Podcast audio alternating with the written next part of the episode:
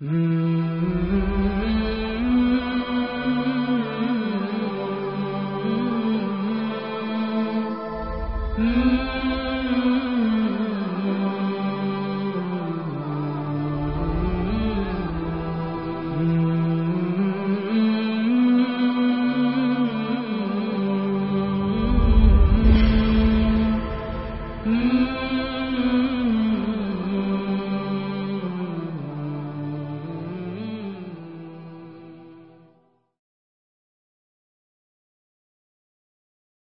Bismillahirrahmanirrahim. Elhamdülillahi Rabbil alemin. Ve sallallahu ve sellem ala seyyidina Muhammedin ve ala alihi ve sahbihi ecma'in. Minhacül Abidin isimli eseri okumak istiyoruz. İstifade etmek istiyoruz. Rabbimizin razı olacağı ameller yapmamıza vesile olmasını istiyoruz. Kitap alemlerin Rabbinin cennetine giden kullarının metodu. Türkçesi öyle. Demek ki bu kitap müminlerin cennete giden yolu bilmelerini sağlamak için yazılmış. Ön sözünde de Gazali rahmetullahi aleyh buna işaret edecek. Bir kitabı okumadan önce kitabın ana fikrini anlamak, müellifinin kafa yapısını anlamak, kitabı yazmaktaki gayesini anlamak yardımcı bir unsurdur. Bu sebeple Minhacül Abidin ila Cenneti Rabbil Alemin isimli kitabı okumadan önce Gazali ile ilgili bu kitap ekseninde bilinmesi gereken bazı mülahazalarımız var. Yedi noktaya işaret etmek istiyorum. Birincisi,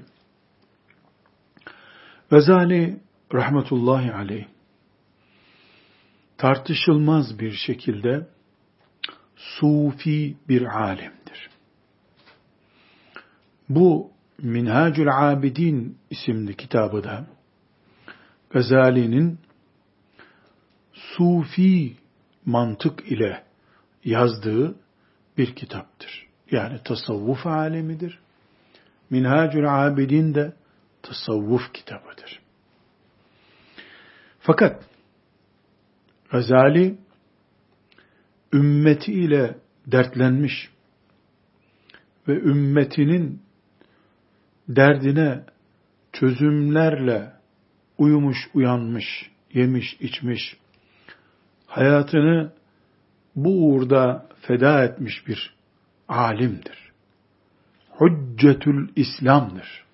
İslam'a götüren, yolları keşfeden bir alimdir. Rahmetullahi aleyh.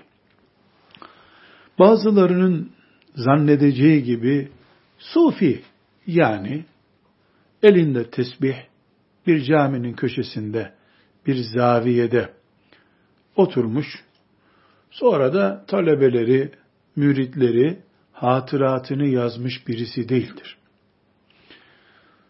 Gazali'nin tasavvuf anlayışı bütün Müslümanların dünya lezzetlerine kapılmadan cennet nimetlerini bulabilmek için alternatifleri bulunmayan bir tasavvuftur.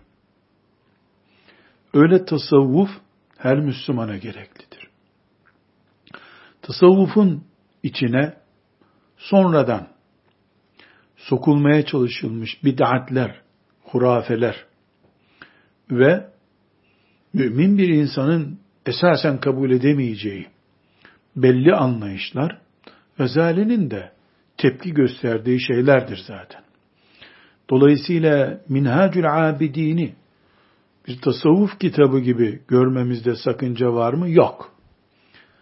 Bunu okuyunca biz tasavvufun tenkit edilebilecek ya da tasavvufa sonradan sokuşturulmuş, tenkit edilebilecek hatalarına düşer miyiz? Asla düşmeyiz. Neden? Bilhassa Minhacül Abidin Gazali'nin ömrünün son iki senesinde derlediği bir kitabıdır. O dönemde Gazali'nin Bukhari ve Müslüme yöneldiği dönemdir. Binaenaleyh Minhacül Abidin gibi bir kitap her ne kadar Gazali'nin tasavvuf görüşlerini yansıtıyor ise de hem Gazali'nin tasavvufunda bir sıkıntı yok hem de tasavvufun müminlerin dünya lezzetlerine, dünya metaine kapılıp kalmadan Allahu Teala'yı bulma arzusu olan asıl tasavvufun o boyutunda müminler için bir sıkıntı yoktur. O incelikte bakıldığında ümmeti Muhammed'in ilk mutasavvufları, Fudayl bin Ayatlar, Ceylaniler, Beyazıt-ı Bestamiler, bunlar ümmeti Muhammed'in ince ayarlarıyla yaşamış Allah dostlarından olduğunu görürüz.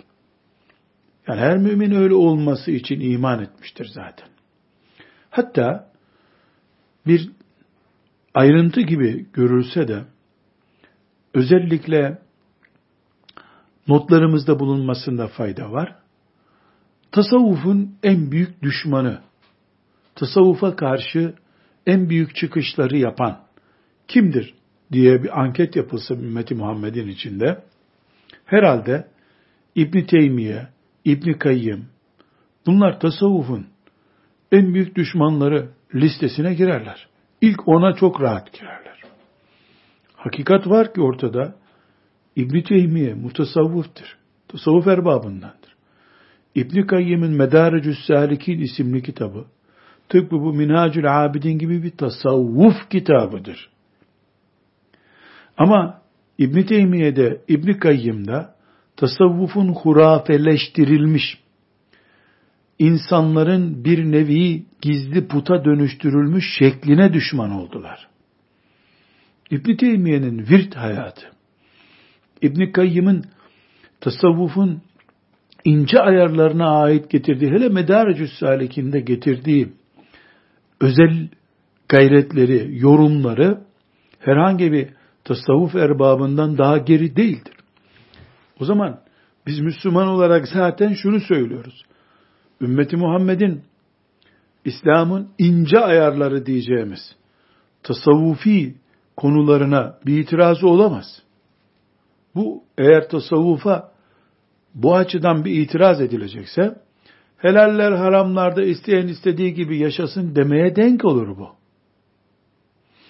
Ama tasavvuf ince ayardır diye Allah'ın bilebileceği, kullarından hatta peygamberlerin bile bilemeyeceği şeyleri dahi filancalar biliyor, şeyhler biliyor diye mesela ayrıntılardan biri, gaybı dahi biliyor şeyhler şeklinde bir bataklık tasavvufun içine sıkıştırılmaya çalışılmışsa her mümin o tasavvufa itiraz etmek zorundadır.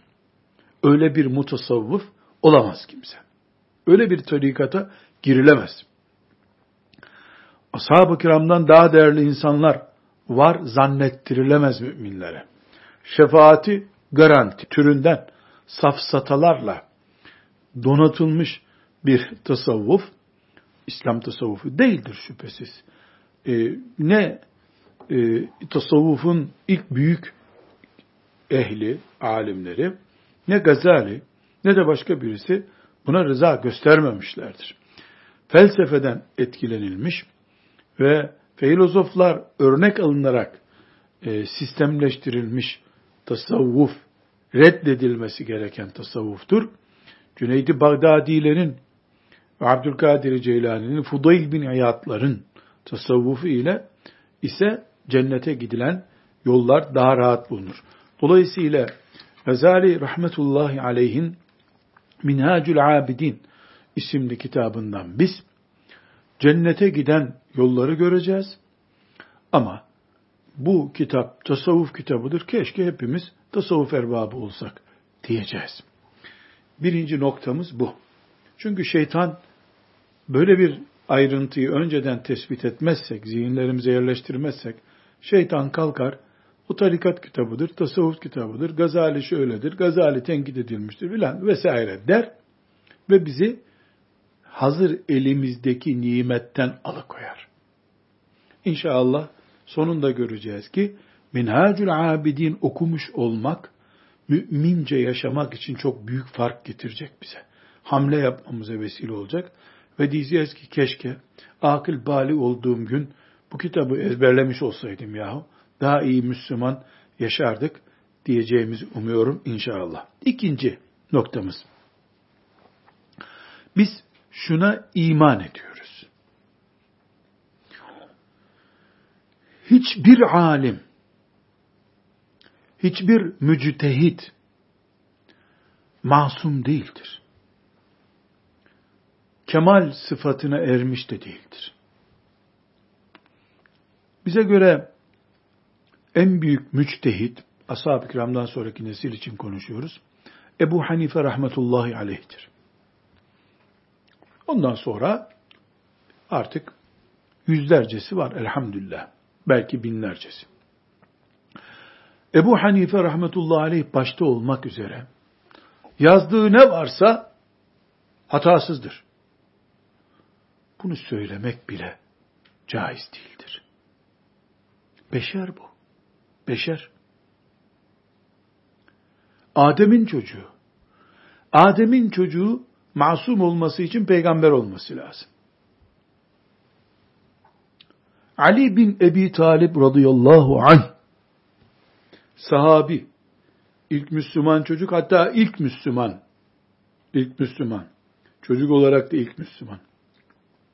Efendimiz sallallahu aleyhi ve sellem ben ilmin şehriyim, Ali onun kapısıdır diyor. Hulefâ-i Raşidinden, ne demek Hulefâ-i Raşidinden?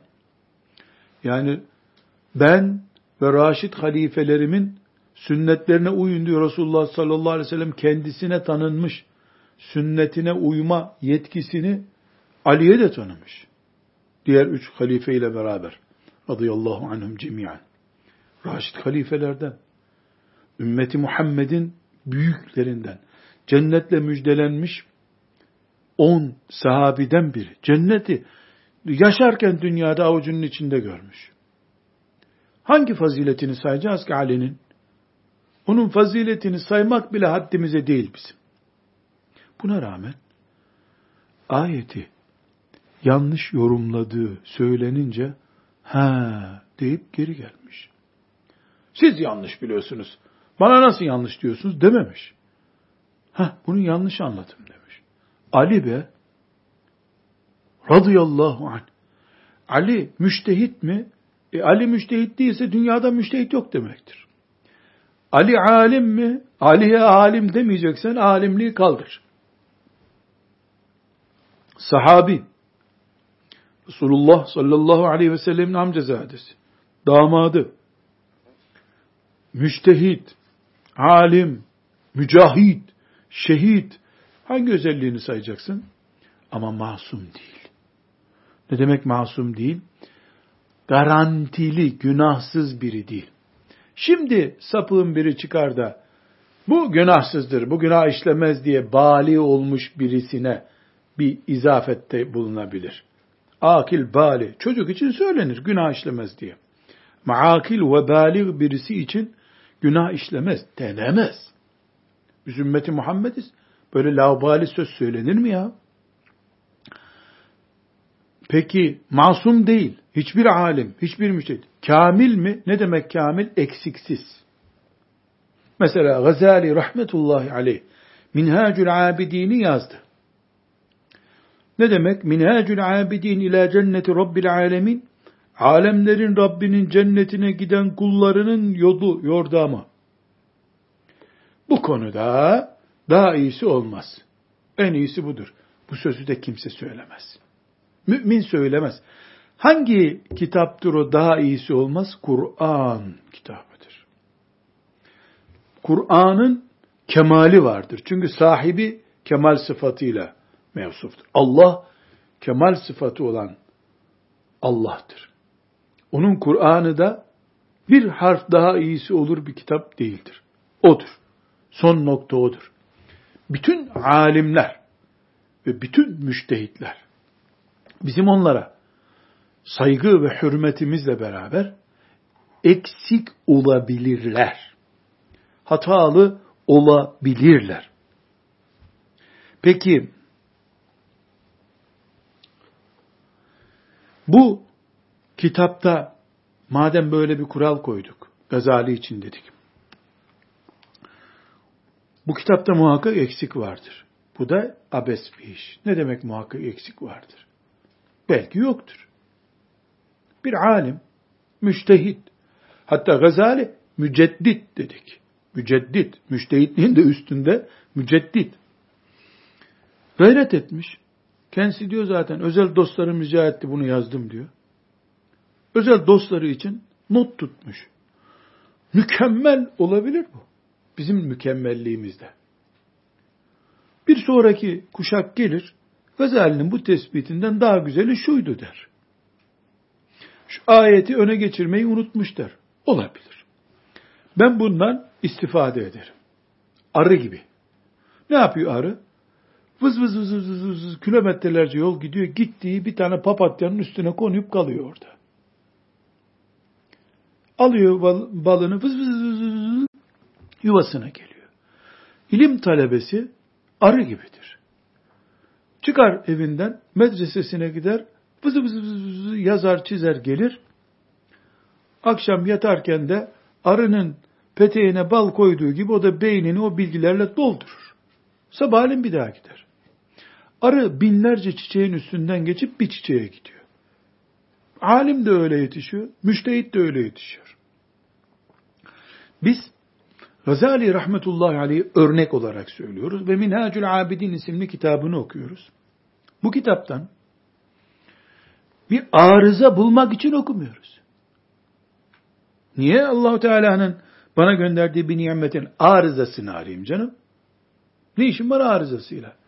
Peki bunu Kur'an okur gibi 30 yüze bölüp okur muyuz? Onu da yapmayız. Biz arıyız. Bu çiçektir. Buna konar, balımızı alır gideriz. Ondan sonra e, Rabbim bereketini verecek gerisine. Gerisine de Rabbim bereket verecek. Nasıl verecek? Nasıl murad ederse.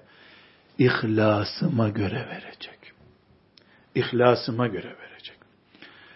Demek ki birinci noktada ne dedi? Gazali sufidir. Bazı ıstılahları açıklayacağız zaten. Sufice ıstılahlar kullanıyor. Ama elinde tesbih dolaşan sufiden çok dünyayı beynine doldurup nehirleriyle, dağlarıyla o yükü 55 sene yaşayan adamdır Gazali. Biz ne diyoruz? Gazali öyle bir isim ki tasavvufta Gazali'den öncesi var, Gazali'den sonrası var. Tasavvufa şekil verdi. Evet, Kur'an değil yazdığı. Çünkü hiçbir alim Kur'an yazamaz. Hiçbir müçtehit masum değildir. Olsa eğer birisi masum, Ebu Hanifemiz olurdu rahmetullahi aleyh. Bir ilmuhal kitabının birinci sayfasından son sayfasına kadar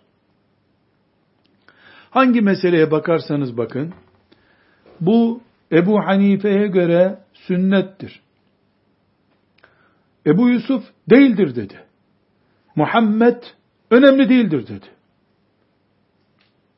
Hocalarının sağlığında Ebu Hanife'ye itiraz etmişler. Masum itiraz görür mü? Kamile, eksiksiz olana itiraz edilebilir mi? Edilemez. Öyle olsaydı Ebu Hanife edepsizler. Ben size öğrettim siz şimdi bana geri veriyorsunuz derdi. Mutlu oldu. Talebeleri onu ikaz etti diye. Onlardan sonra gelenler de hepsinin görüşünü yazdılar. Ümmete miras bıraktılar bunu. Biz bu şekilde terbiye görmüş bir ümmetiz. Ashab-ı kiramı da Resulullah sallallahu aleyhi ve sellem böyle yetiştirdi. İnşallah aşırı gidenler, ucu bucağı kaçmışlar, ipi kopmuşlar olsa da ümmet bu i'tidal çizgisinden gidecek. Üçüncü noktamız. Bu kitap Bukhari'den seçme yüz hadis değil ki ezberleyeceğiz bunu. Aynı şekilde bir fıkıh kitabı da değil ezberlemek için. Ama yol gösteren cennete mümin nasıl gider? Hangi vadileri aşıp cennete gitmesi lazım? Bunu gösteren bir kitap. Dolayısıyla bu kitabı seçip okuma nedenimiz bu dünyanın put haline geldi. Diploma, iş, düğün salonu vesaire vesaire dünyanın putla dolduğu bir zamanda Allah'a giderken önümüzü tıkatmasın bu dünya diye ne yapmamız gerekiyor'nun en güzel cevabını veren kitaplardan biridir bu. İhya-i Ulumuddin'de öyle bir kitaptır ama girince çıkışı olmayan bir kitap İhya-i Ulumuddin. Şöyle bunun gibi ders yapsak 20 sene lazım bize. İhya'nın içinden çıkabilmek için. Bir de İhya'da uzatılmış konular var. Sanki Gazali rahmetullahi aleyh İhya-i Ulumuddin'i kendi eliyle özetlemiş gibi bir kitap bu. Benim muradım bu kitabı seçip e, sizlerle okumaktaki muradım şudur. Hepimizin elinde dünyayı tanımak, Allah'a gidişi anlamak için, cennet nasıl kazanılıyor bunu çözebilmek için bir formül olsun. O formül de bu kitap. Ondan sonra hanım kardeşlerim kendilerini Rablerine hazırlarken, Allah ile buluşacakları günü hazırlarken ellerinde güzel malzeme bulunsun. Hayır, e, çocuk yetiştireceklerse çocuklarını doğdukları günden itibaren hangi aşıyla şeytandan koruyacaklarını, şeytan mikrobundan koruyacaklarını bilmiş olsunlar. Bu da önemli. Artı şeytanın fitnelerine karşı ön tedbirimiz, masamızın çekmecemizin içinde malzemeler bulunsun. Onun için bu kitabı seçtim. Peki bu kitaba ne gerek var? Kur'an-ı Kerim'i okusaydık ya, elbette Kur'an-ı Kerim'in trilyonda biri etmez minhacül abidi. Etmez. Peki Bukhari okusak, Bukhari'nin 10 milyarda biri bile etmez. Etmez. Güneşin ısıtma gücüyle bizim evimizde yanan kombinin ısıtma gücü arasında benzetme yapılabilir mi? Kur'an'la Minhacül Abidin de böyle birbirine benzemezler. Biri güneş, öbürü de evde küçücük bir kombi. Mangal gibi bir şey. Ama güneşte pirzola pişmiyor. Mangalda pişiyor. Bizim Kur'anlı hayattan soğuk geçirdiğimiz asırlar, şimdi oturup Bakara suresini okuyarak Rabbimize yaklaşacağımız pozisyonlardan bizi uzak tuttu çok. Tıpkı bir kilo pirzolayı güneşte pişirip yiyemiyoruz. Güneş bütün dünyayı ısıtacak güçte olduğu halde. Ama bir avuç e, kömürün üstüne pirzolayı koyuyoruz mis gibi oluyor. Bu bir avuç kömür niteliğinde güneşe ölçüldüğünde, Kur'an'a ölçüldüğünde karşılaştırma yaparak. Dolayısıyla Minhacül Abidin Rabbimizin kitabından lezzet alarak okuyalım diye bir ön hazırlıktır. Zaten ikinci maddede ne dedik? Hiçbir beşerin kitabı. Kur'an-ı Kerim'in yerine haşa. Bırak koymayı. Aynı rafa bile koymuyoruz. Kur'an-ı Kerim'in koyduğumuz rafa biz başka kitap koymuyoruz ya. Bu sebeple bu kitabı bundan sonra minhaç grubu diye bir grup oluşturmak için neuzu billah asla okumuyoruz. Ben gazalici olmam ki minhatçı olayım. Ama bu kitaptan yol yordam öğreneceğim. Ana menfezlerini öğreneceğim. Biiznillahü Teala e, Rabbim lütfederse sonunu gördüğümüzde hepiniz göreceksiniz ki Fil suresinin tefsirini okurken daha gözü yaşlı okuyacaksınız. Bukhari'den bir hadisi şerifi çözmek size daha çok lezzet verecek. İnşallah Teala.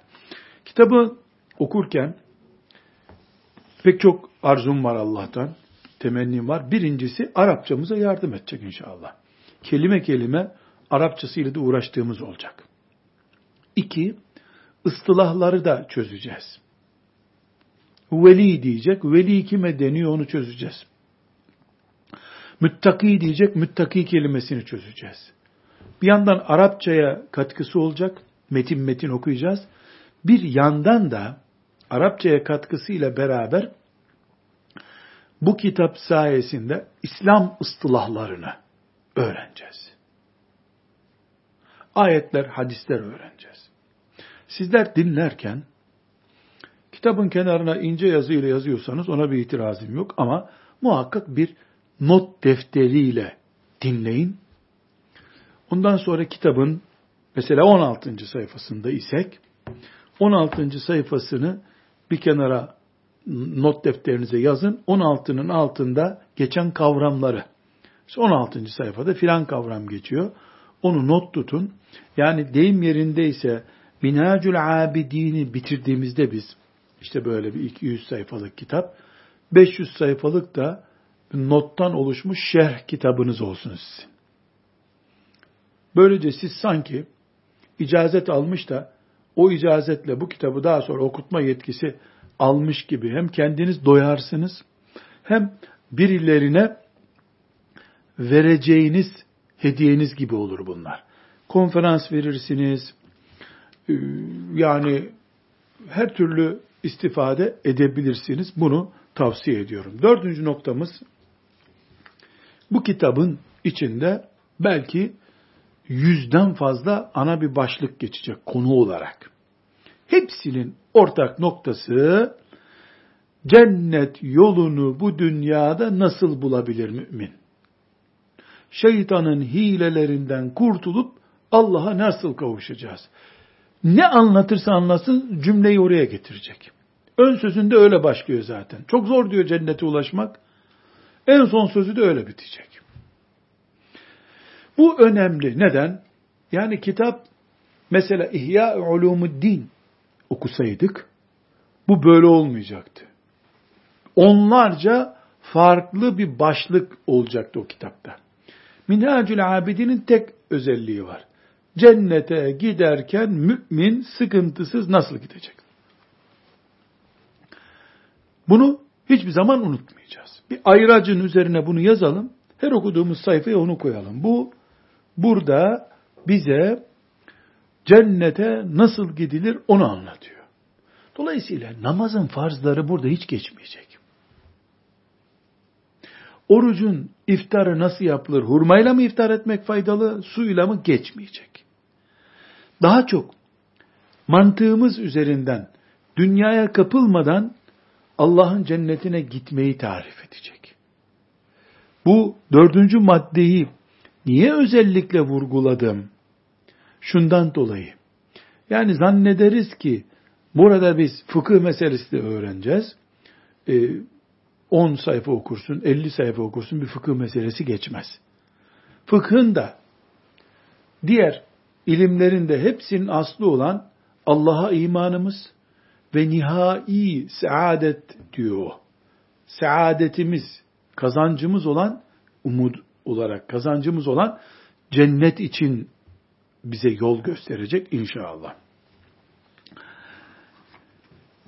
Gazali'nin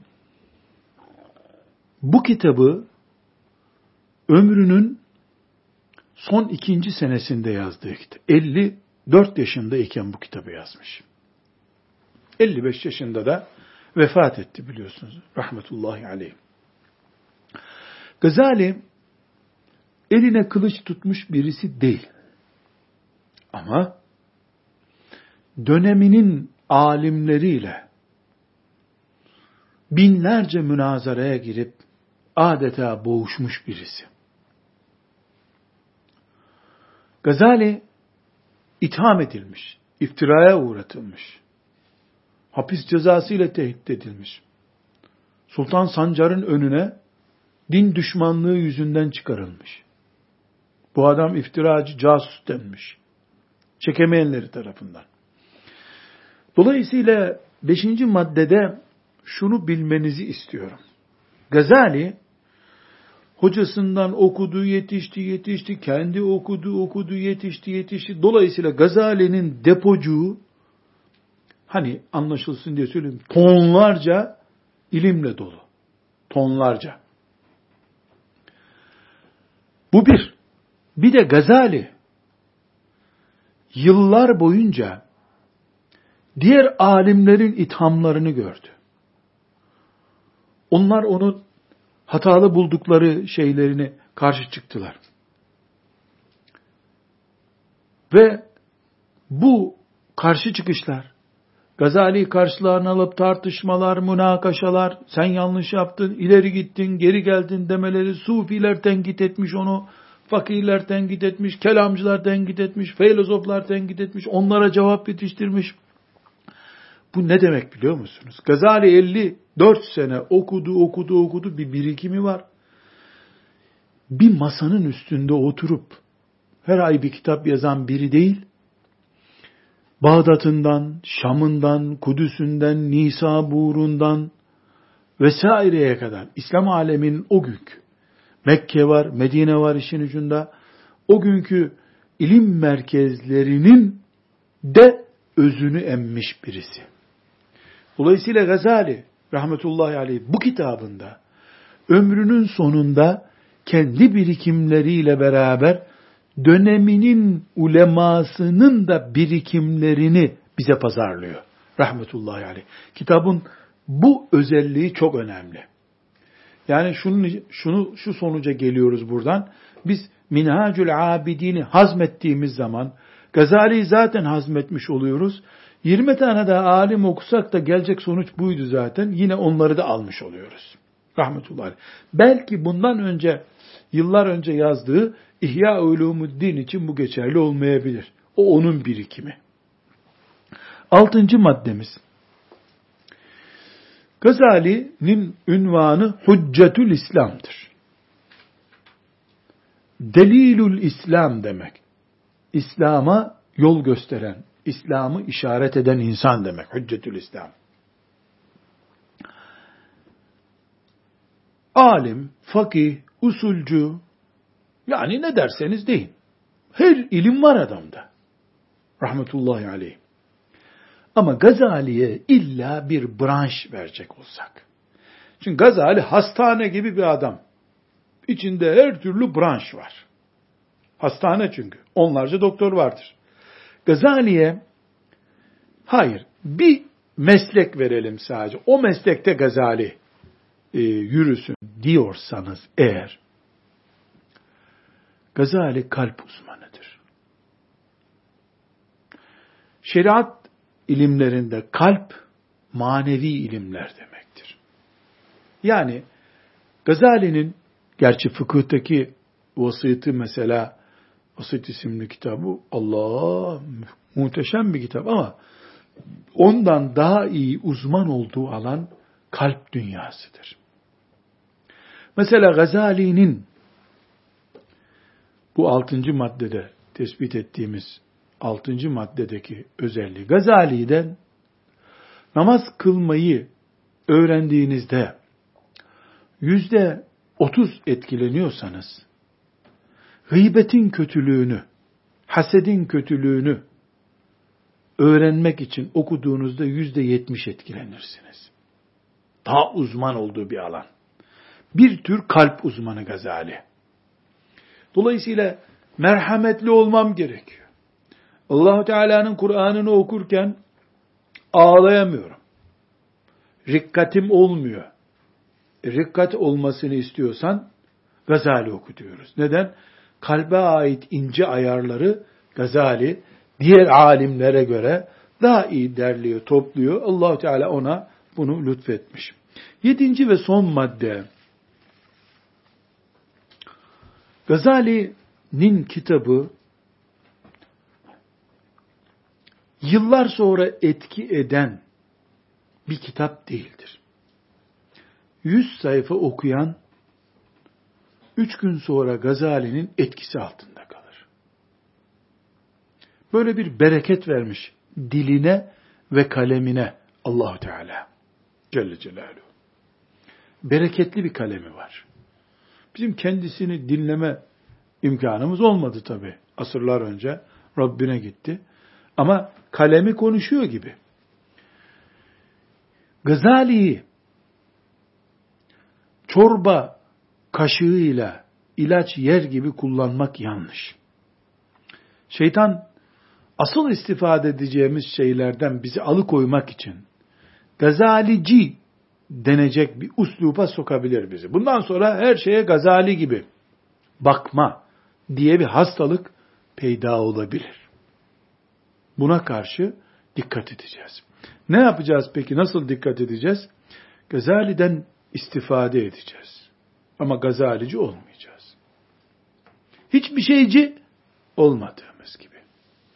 Ümmeti Muhammed'in çocuğuyuz. Ümmeti Muhammed'in Kur'an'ı kitabımızdır. Ümmeti Peygamber'in Ümmeti Muhammed'in peygamberinin sünneti sallallahu aleyhi ve sellem Kur'an'ımızın açıklamasıdır. Ebu Hanife rahmetullahi aleyh imamımızdır. Ve bizim öbür türlü çiçek olarak gördüğümüz kitaplar olur. Onlardan bal alırız, sonra işimize bakarız diye düşüneceğiz. Bundan ötesi bizi aşırılığa sevk eder. Bu aşırılığı da neuzu billahi teala Müslüman olarak Rabbimizin razı olmayacağı bir iş olarak yapmış oluruz. Ee, ahirette de hesap veririz. Allah muhafaza buyursun. Ve sallallahu ve sellem ala seyyidina Muhammed ve ala alihi ve sahbihi ecma'in velhamdülillahi rabbil alemin.